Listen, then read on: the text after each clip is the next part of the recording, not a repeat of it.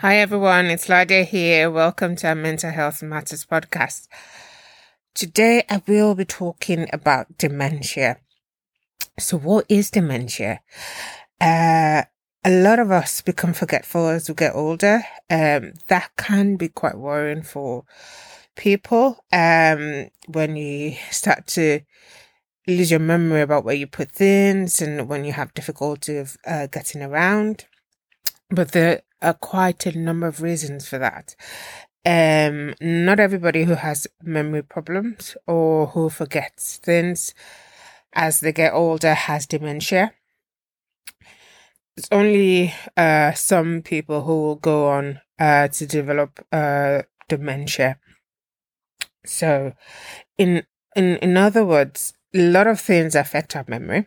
Um, we have other things that can cause even other mental health problems like depression, other uh, psychosocial difficulties like uh, stress, um, physical illness, grief. Um, so those are other examples of things that can cause uh, forgetfulness. But today we'll be focusing on uh, dementia and um, I won't be talking about all the other bits that cause uh, forgetfulness. So, what is dementia? So, dementia is like an umbrella term that's used to describe a range of progressive neurological difficulties that affect the brain. There are several subtypes of dementia, but the, the most common are Alzheimer's, um, vascular dementia, dementia with Lewy bodies, frontotemporal dementia, and mixed dementia. So, having said this, there are people who have uh, two of the you know subtypes occurring at the same time or uh, one can occur first and then the the other comes along. Um so i will just talk about the umbrella term today. I won't go into the different um subtypes the brain, as we all know, has uh, neurons. Um, these are specific uh, cells in the brain um, which send messages to each other. And when this is being altered or when this is being affected, um, when it's damaged, we have uh, several types of dementia occurring. So, in other words, dementia itself occurs when there's damages to the nerve cells in the brain. So we go on to talk about um, how this occurs in different people.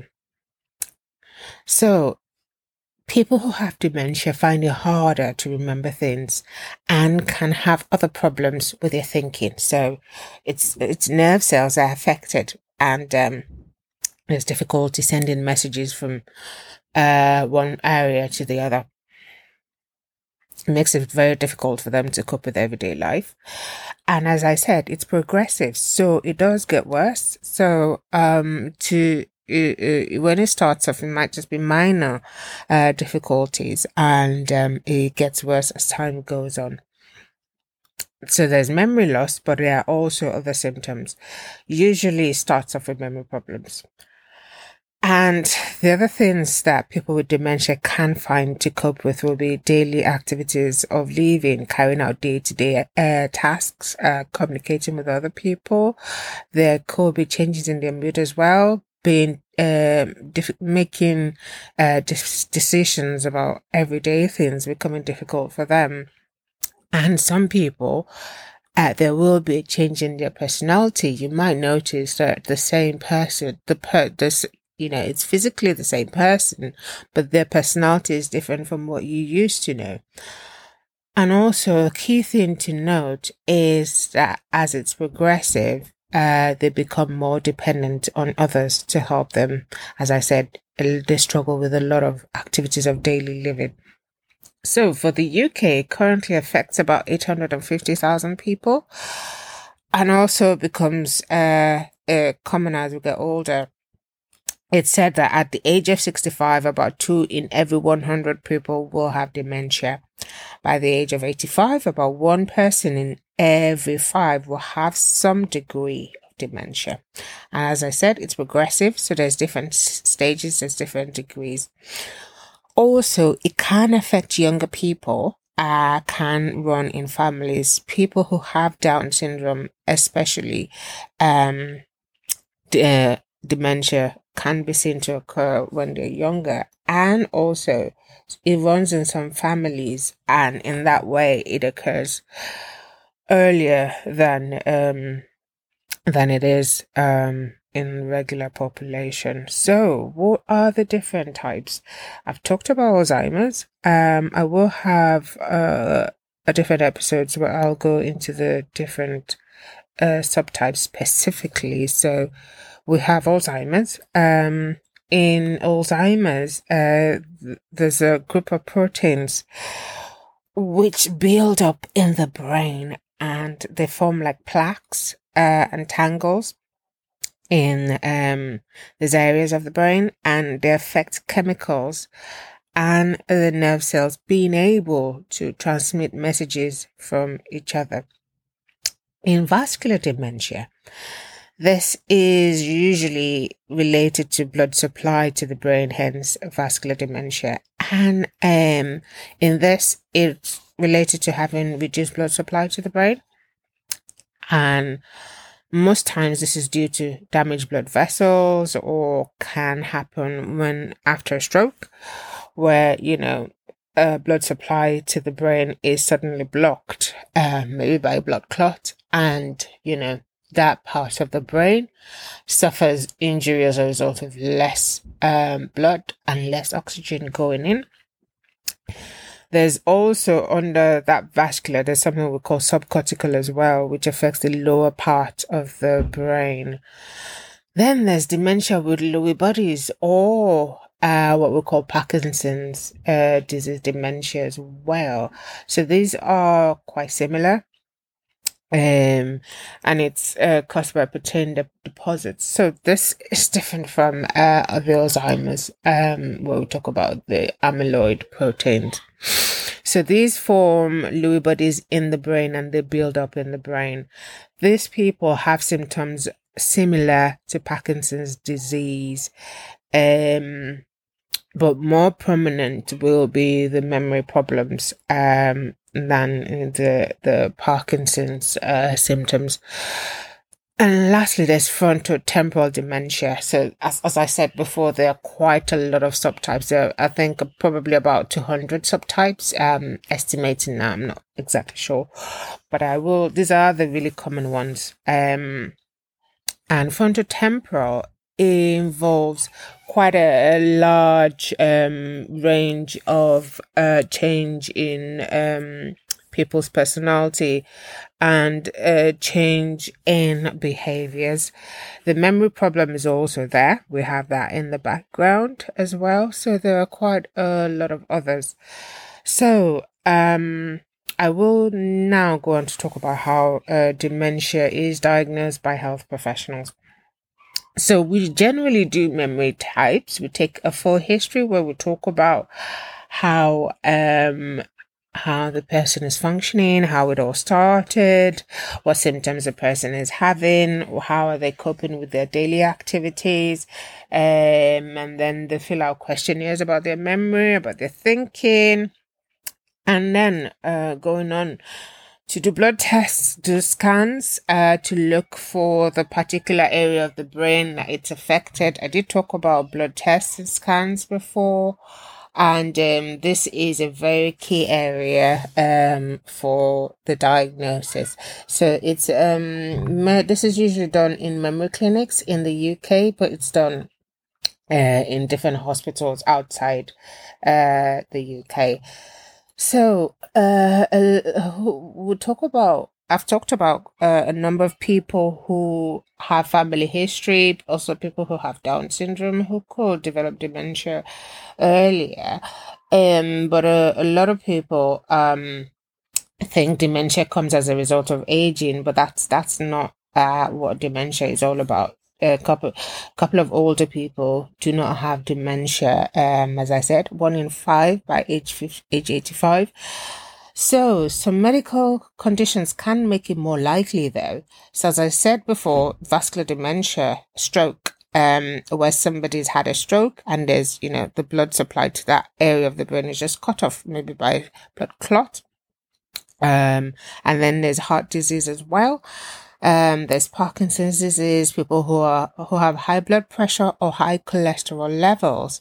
Um, the, you know, um, the, again, the blood supply to the brain can be affected, uh, by that. Also, type 2 diabetes, all related to, uh, having damage to the blood vessels, um, to the brain. So, it is very important when people have these things that I have mentioned, which makes uh, them more prone to having dementia, like the stroke, the, di- heart disease, high blood pressure, high cholesterol, and type 2 diabetes, to make sure it is controlled and well managed. I forgot to mention Parkinson's disease there. So, when these are all well controlled and managed, there's less likelihood uh, to develop, um, you know, uh, dementia related to these illnesses. There are there are a lot of lifestyle factors that doctors generally advise when um as we get older, uh, t- you know, cutting off alcohol. Um, there's a there's a particular limit in the number of units we advise, not more than fourteen units a day. Healthy diet, uh, uh exercise, um, regular exercise, uh, uh, monitoring our weight, um, and smoking as well. Um, unfortunately, these are also lifestyle factors that contribute to it that increase the risk. So, um, as much as uh, some people don't like to hear it, it, it is it is a fact that has been found. So, these generally do play a role in dementia, so it is important to note them. So, uh, is there any treatment? Well, this will depend on the type. This will de- depend on the person's circumstances.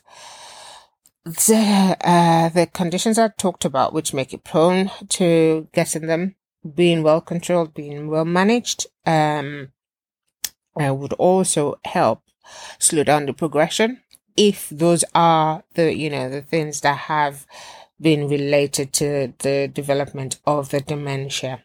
However, there are medications that are used uh, to help treat some of the symptoms. Dementia is incurable, but it can be managed and we can look at ways in which we can make uh, life better for the person involved and for the family. So these medications, a couple of them, uh, there's a group called acetylcholinesterase inhibitors. There's another called memantine and these are generally used in Alzheimer's. Um, some are also used in Lewy body and in for vascular. It's generally advised that the uh, the the condition that has made the person prone to developing dementia, if it was like cholesterol or diabetes or high blood pressure, that they are well managed and uh, taken care of by a physical health doctor. That's um, like your GP or physician.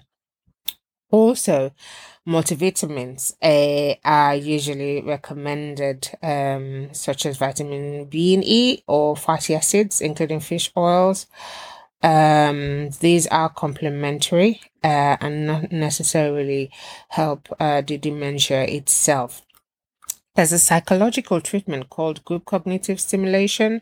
Now, this um, is not readily available in some areas, but it helps to improve the quality of the person's life uh, by using games to stimulate their thinking. Reminiscence therapy so includes uh, involves the discussion of past events, um, you know, and past activities or experiences that may help um, improve the person's understanding and knowledge, and also reduce the strain on their carers and family members. So, one thing to note though is that uh, the progress is variable. Some people will stay at the same age, uh, same level for donkey years, while some will deteriorate rapidly. Um, and there's there's this type step ladder that we often iteration that we often talk about in vascular. So we will talk about um getting help and support. In the UK, there are quite a number of organizations. If you check Google for dementia support organizations in your area, you will find them. In the UK, we have the Dementia Society, we have the NHS uh, services, local services through memory clinics, um, we have your GP, um, and we also have specialist teams uh, that involve psychiatrists, psychologists, specialists, nurses, and um, there is support for people who have family members who have dementia. So um, when you have uh, someone you're caring for, it is very, very important to look for how you can get support for the person and how you can get support for yourself. Because as a carer, it can be daunting having to care for somebody who has dementia. So seek support for yourself and seek support for uh, your loved ones or friend or family member. So a lot of little bits of and bobs that you can uh, help them. So help them keep diaries, help them keep photographs, as I said about the reminiscence therapy, um, help them to make lists that, that can be easily ticked off, have calendars, have activities that uh, stimulate the mind by um, helping to keep their mind active, maybe puzzles um, uh, learning new things. Um, also, there are groups but that are being created by the local services that would help. Healthy diet, exercise, most especially those conditions I mentioned that are um, um, that make them prone to should be managed. In terms of planning, there is what we call the lasting power of attorney. Um, this is very important because as the memory progression gets worse, uh, they might not be able to make decisions, as I said before, regarding their everyday life. So lasting power of attorney to decide or choose people who would help, um, or uh, sorry, who can uh, help make management of the affairs, um, health, welfare, financial, um, and also um, add advanced decisions on what uh, they can do, uh, what can be done to them and what can't be done to them. Um, there's uh, there's also driving uh, because of the memory problems. It's usually advisable that they um, they seek advice from the health professional, um, especially because a lot, a, a, lot of accidents can happen with someone who has difficulty uh, with their memory. So, thank you very much for listening. I hope this has been helpful. I will talk about the different subtypes of dementia in subsequent episodes. So, um, don't forget to give feedback on our Facebook page and Facebook group, our Mental Health Matters, and on Twitter at Omolade O M O L A D E A M A K A. And remember, empower your mind, empower your life. Goodbye.